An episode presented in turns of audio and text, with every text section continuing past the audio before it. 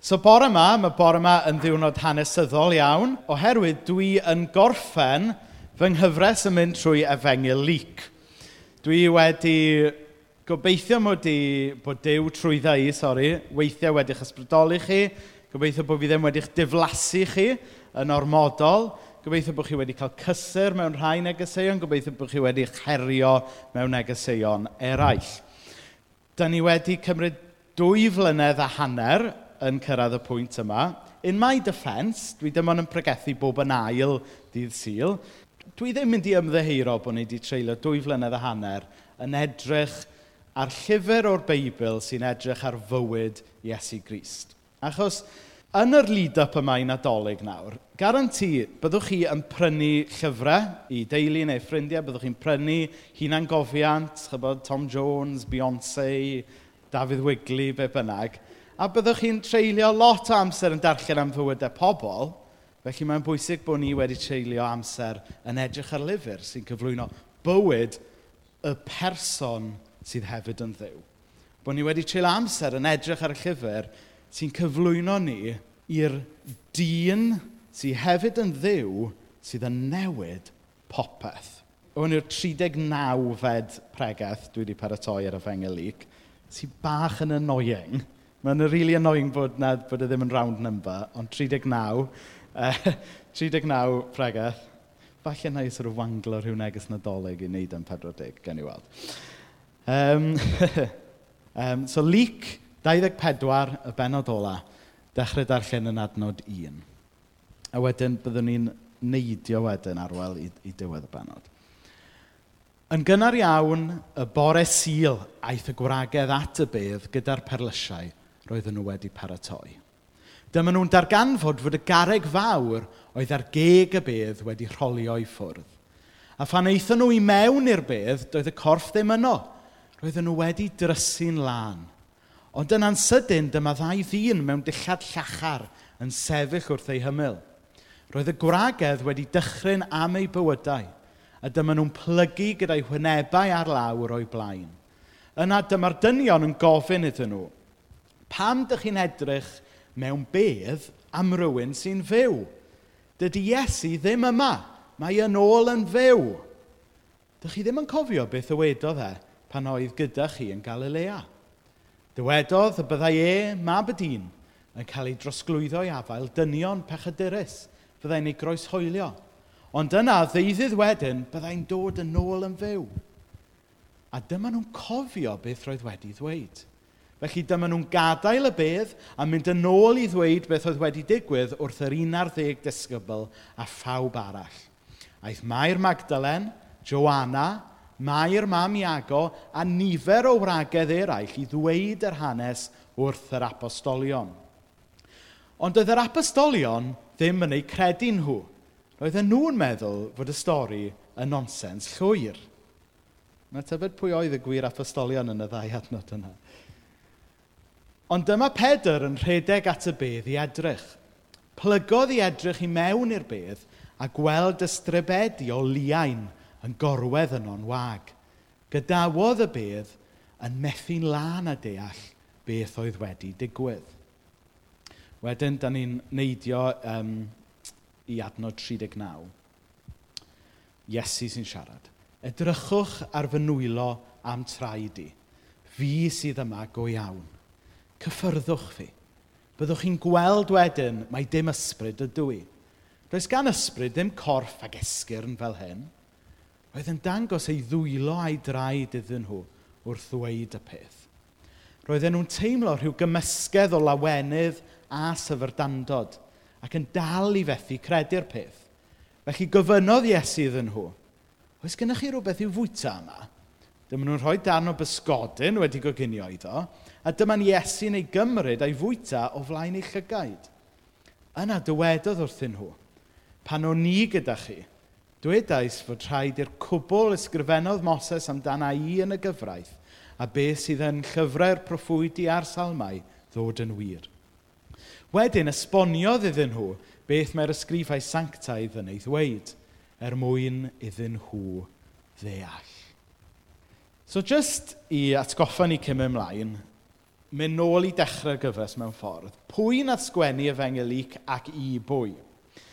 So gath Efengelic i sgwennu gan Luc, um, surprise, neu o leia o, gan Luc a rhai o'i gynorthwywyr.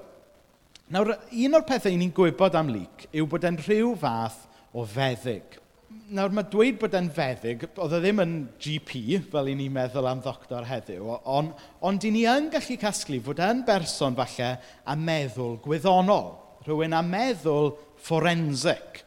Doedd e ddim yn ati type, allech chi weid. Chyfo, mae yna ma, ma ddau math o berson mewn bywyd yn does, tyfod. Mae gyda chi pobl a meddwl gwyddonol, forensic, a wedyn mae gyda chi pobl fel fi.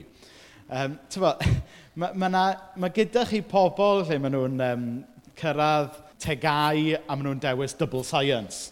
Neu mae gyda chi pobl fel fi sy'n dewis hanes. Uh, mae gyda chi... Chi'n deall beth fi'n meddwl? Ac oedd leak, mw, y gymaint yn ni'n gwybod amdano fe, oedd e y teip mwy gwyddonol, y teip mwy forensic. Nawr, ry'n ni'n gwybod fod yr efengil wedi cael ei sgwennu i wr o'r enw Theophilus. Ac o'r hyn, i ni'n gwybod am Theophilus, mi oedd e'n ddyn cefnog, yn ddyn oedd mwy na thebyg wedi cael addysg, ac felly oedd e'n ddyn y byddai'n pwyso a mesur pethau yn ofalus. Bydde fe ddim y teip bydde jyst yn credu rhywbeth, rhywbeth. Felly mae hwn yn bwysig.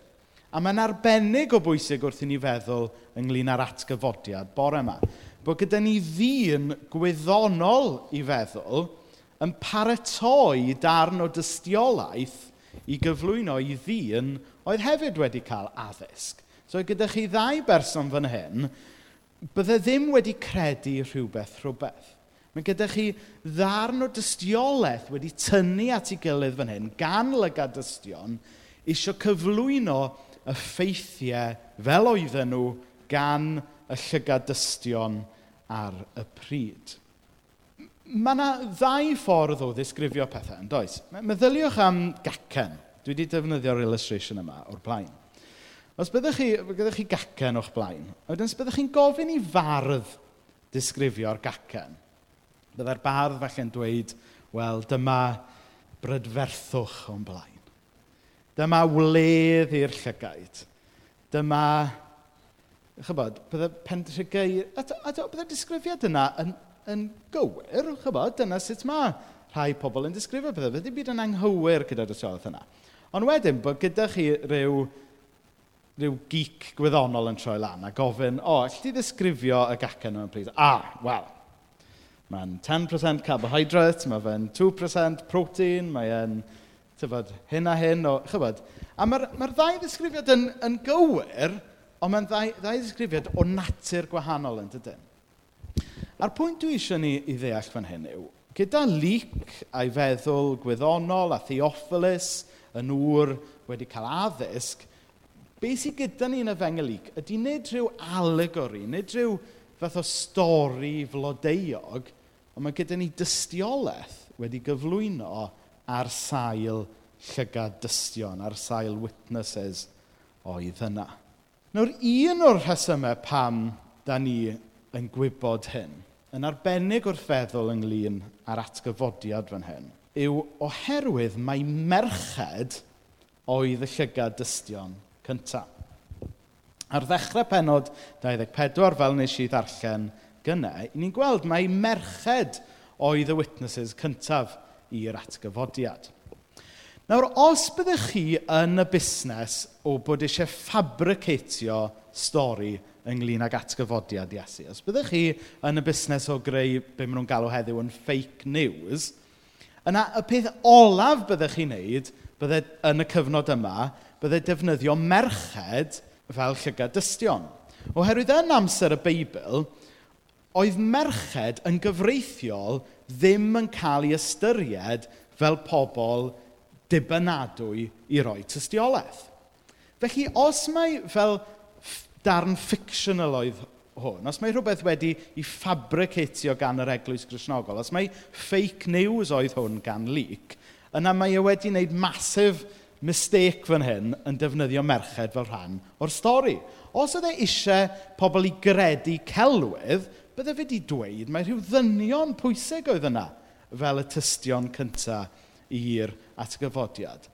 Felly mae'r ffaith bod e yn dweud mae merched oedd yna, actually, yn dangos i ni mai dyma oedd wedi digwydd go iawn. Os mai ddim dyma oedd wedi digwydd go iawn, bydde fe ddim wedi dweud mai merched oedd yna. So dyna y, y arwydd y cad cyntaf y merched yn y stori. Ond dwi'n meddwl fod yna arwydd y cad mwy hefyd, fel, fel nes i um, dropio mewn fel rhan o'r darlleniad. Mae e hefyd yn ragflas yn dydy fod merched llawn gymaint o dynion yn gallu bod yn apostolion, yn gallu bod yn dystion, yn, yn, a gymaint o ran ar ôl yng ngwaith eglwys a teirnas Iesu Grist. A rai wythnosau wedyn yn y Pentecost, mae'r Ysbryd Glân yn syrthio ar ddynion a merched yn ddiwahan. han. Mae dynion a merched yn cael ei galw i fod yn broffwydi, i fod yn dystion, i fod yn athrawon, i fod yn bobl teirnas Iesu.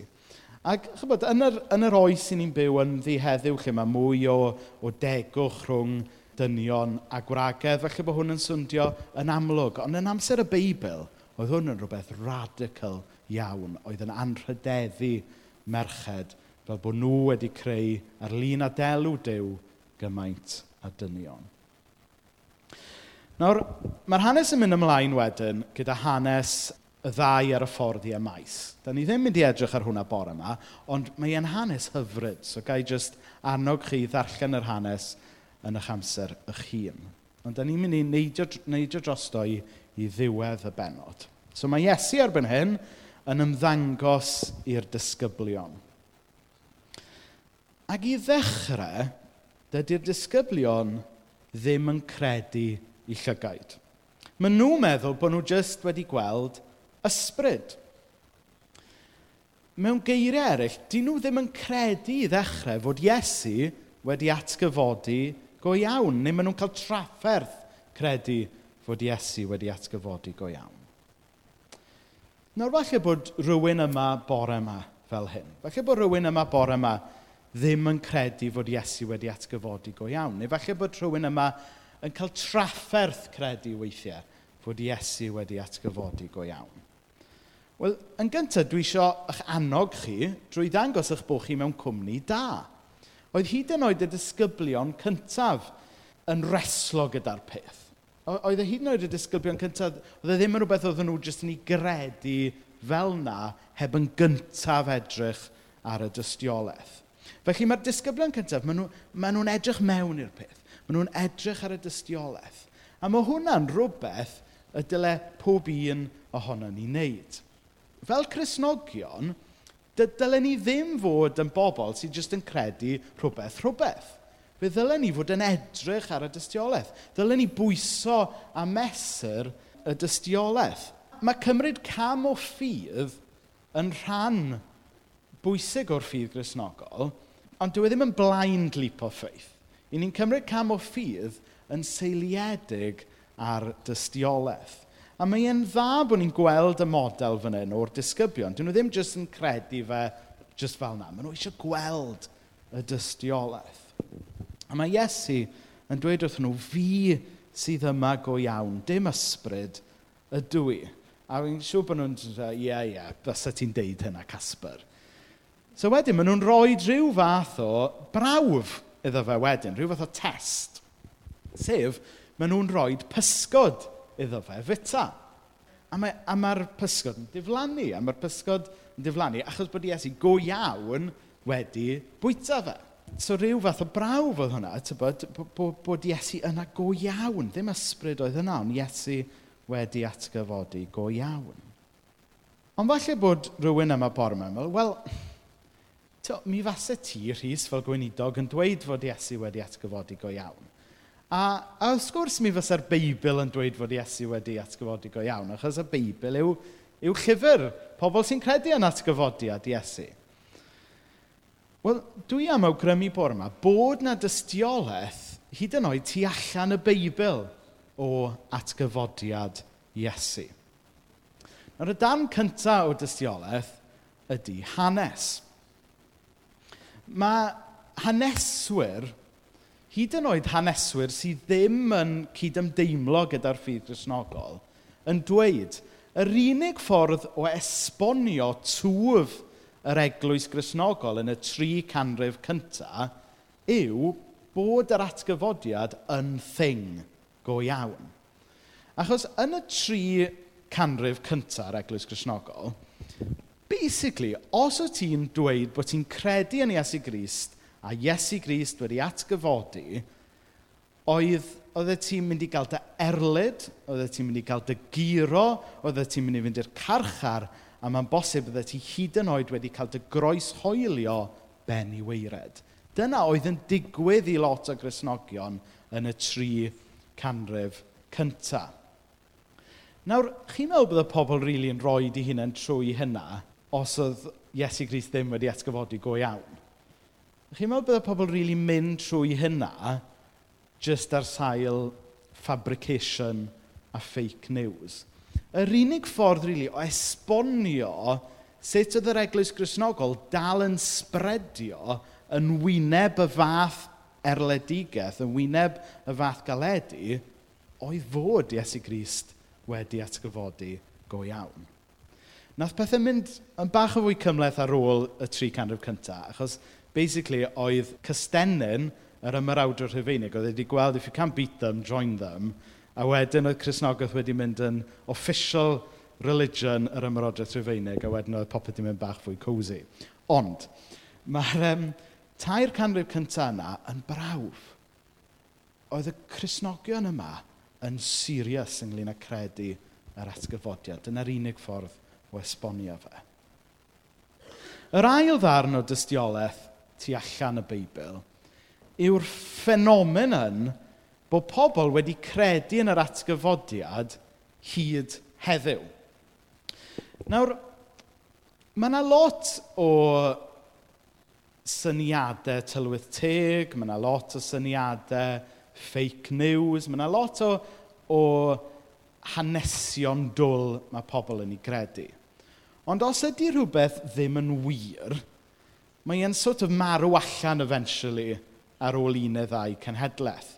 Neu os yw'r hanes yna dal yn rhan o draddodiad, mae pobl go iawn yn gwybod mae stori dylwydd teg yw e. Chybod, na, mae'r plant i gyd wedi mynd allan, a dwi'n gobeithio bod neb yn gwrando, chybod.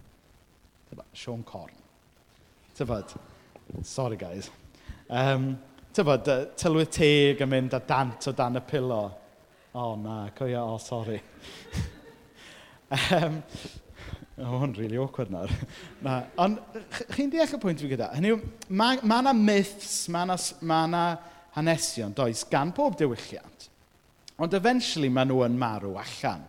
Neu os ydyn nhw dal yn rhan o'r diwylliant a'r traddodiad yna, mae pobl yn adrodd nhw, ond yn gwybod bod e ddim yn stori go iawn, mae jyst yn stori dda. Ond 2000 o flynyddoedd wedyn, Mae'r eglwys grisnogol, oce, okay, dyw e ddim mewn cyflwr arbennig o ddan yn gwlad ni, ond yn rhyngwladol, mae pobl yn credu yn atgyfodiad Iesu dal yn lledu, a mae dal gymaint o dan yn yr eglwys grisnogol ac erioed. A'r unig ffordd o esbonio hwn yw bod e'n wir. Achos dydy celwydd, dydy myth, ddim yn para gymaint o amser nac yn croesi gymaint o ffiniau diwylliannol, oni bai bod e yn wir go iawn. A wedyn y trydydd darn o dystiolaeth ynglyn â'r atgyfodiau tu allan y Beibl yw bod ni'n gallu gweld effaith yr atgyfodiad y mywydau pobl o'n cwmpas ni. Falle yn bod ni heddiw ddim yn llythrenol yn gallu gweld bod Iesu wedi atgyfodi. Hynny yw, dydy Iesu ddim yma mewn person bore yma i ddweud, hi guys. Ond, da ni'n gallu gweld effaith atgyfodiad Iesu ar waith y mywydau pobl o'n cwmpas ni.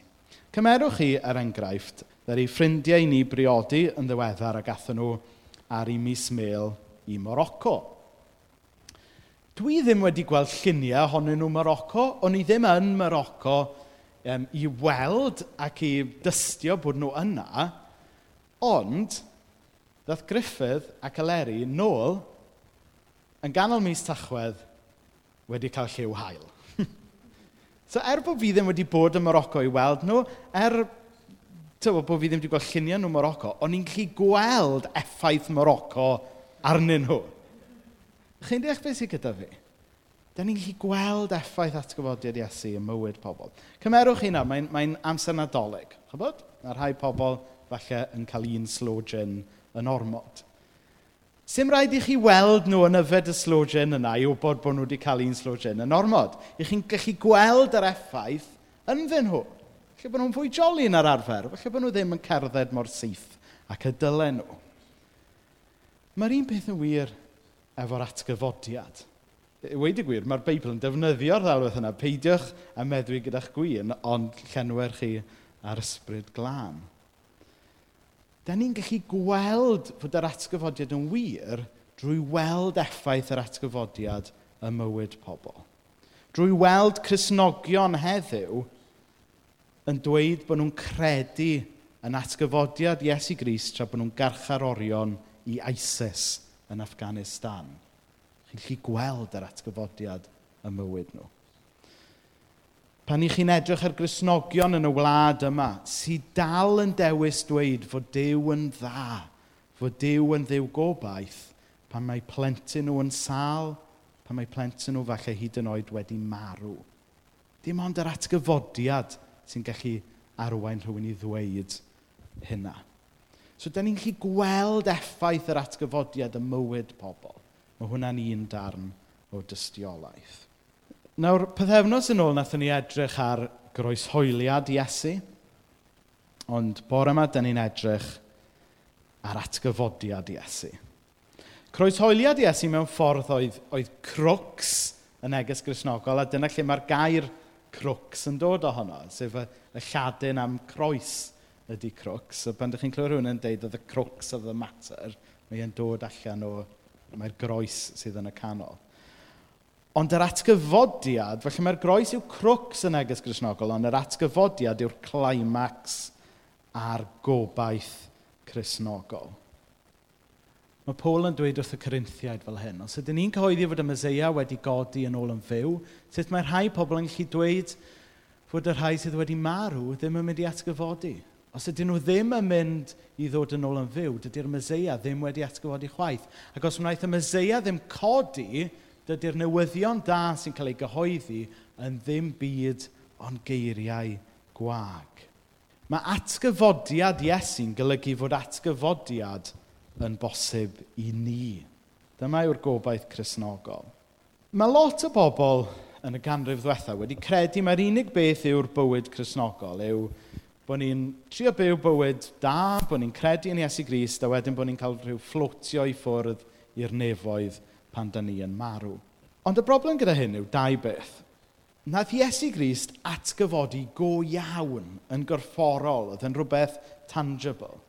Ac felly, os nath Iesu atgyfodi go iawn, da ni mynd i gael atgyfodi go iawn hefyd. A'r broblem arall gyda'r syniad yma mae'r gobaith Cresnogol yw jyst fflotio i ffwrdd i'r rhyw nefoedd pell. Yw fod Iesu'n siarad lot mwy am ddod i lawr o'r nefoedd nag mae'n siarad amdano ni yn mynd fyny i'r nefoedd. Nid y gobaith Cresnogol yw cael dianc o'r byd corfforol yma i fyd ysbrydol. Ond y gobaith Cresnogol yw nefoedd newydd a deiar newydd gyda Iesu wedi atgyfodi yn frenin ar y cyfan.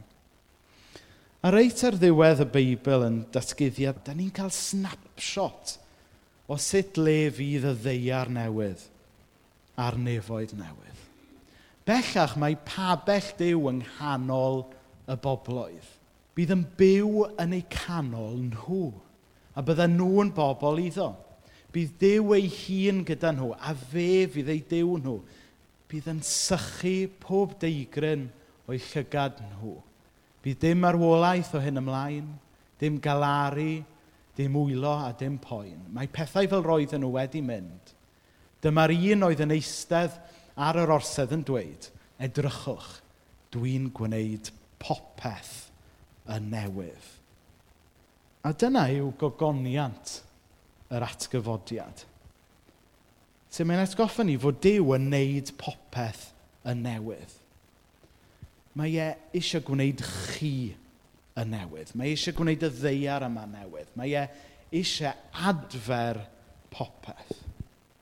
Yn anffodus, fel o'n i'n dweud, dros y ganrif ddiwetha, mae, mae lot o bobl gan gynnwys Cresnogion wedi mynd i feddwl, pan ni'n ni marw, bod ni'n rhyw fath o just fflotio ffwrdd mewn i rhyw fyd ysbrydol ac yr ymadrodd mae pobl yn, yn defnyddio pan mae rhywun yn, yn marw yw RIP, Rest in Peace. Ond yn wreiddiol, dim just RIP a tan o llawn oedd e. Ond oedd e'n rest in peace to rise in glory. Dyna yw y newyddion da chrysnogol. I ni ddim just yn, yn marw a wedyn fflwtio ffwrdd i rhyw, rhyw nefoedd ysbrydol. Da ni yn gorwedd mewn heddwch yn disgwyl ymlaen i atgyfodi mewn gogoniant. Rest in peace to rise in glory. A mae hwn yn newid popeth yn dydy. Mae hwn yn rhoi pwrpas i bopeth. Mae yna fwy i'r bywyd Cresnogol na jyst credu yn Iesu Grist a wedyn mynd i'r waiting room i aros i ddew alw chi adre i ni'n cael yn galw i fod yn rhan o'i deyrnas e. Y deyrnas sydd wedi dechrau torri trwyddo ar ddydd i atgyfodiad. Mae yna bwrpas i bopeth da ni'n gwneud. Mae Dyw, mae teyrnas Dyw eisoes yn torri trwyddo. A mae e'n galw arno ni fod yn rhan o'r deyrnas yna. Nawr y cwestiwn ar her i ni ar ddiwedd y gyfres yma ydy hyn. Mae Iesu Grist wedi dod i'r ddeiar i ddangos i ni be mae'r deyrnas yn edrych fel. So drwy fyw gyda pobl, drwy iachau pobl, drwy fendithio pobl, oedden ni'n cael syniad o be mae'r deyrnas yma fel. Drwy farw ar y groes, nath e agor drws y deyrnas, a drwy atgyfodi, nath e ddweud mae'r deyrnas yma'n barod yn torri trwyddo. Felly dwi jyst eisiau gosod yr her i ni gyd bore yma. Ydyn ni eisiau bod yn rhan o hwn? Ydyn ni eisiau bod yn rhan o'r ddynoliaeth, y ddeiar a'r nefoedd newydd mae Iesu eisoes wedi rhoi ar waith? Mae yna groeso i bawb i fod yn rhan o hyn. Mae Iesu wedi agor y drws. Mae Iesu yn cadw lle i chi fel rhan o'i deyrnas e. Dyma oedd neges lyc i Theophilus, a dyma yw neges Dyw i bob un ohono ni bore yma. Nawr, fel arfer ar, ar ddiwedd pregeth, dwi eisiau amser tawel i ni gyd feddwl. Ond bore yma, dwi ddim eisiau amser tawel. Dwi eisiau ni gyd godi ar yn traed, a da ni'n mynd i ddathlu fod Iesu yn fyw. So dyna yw'r ymateb dwi eisiau bore yma. Dwi eisiau dathliad bore yma. So Trey, over to you. Na ni'n cael ddathlu yma.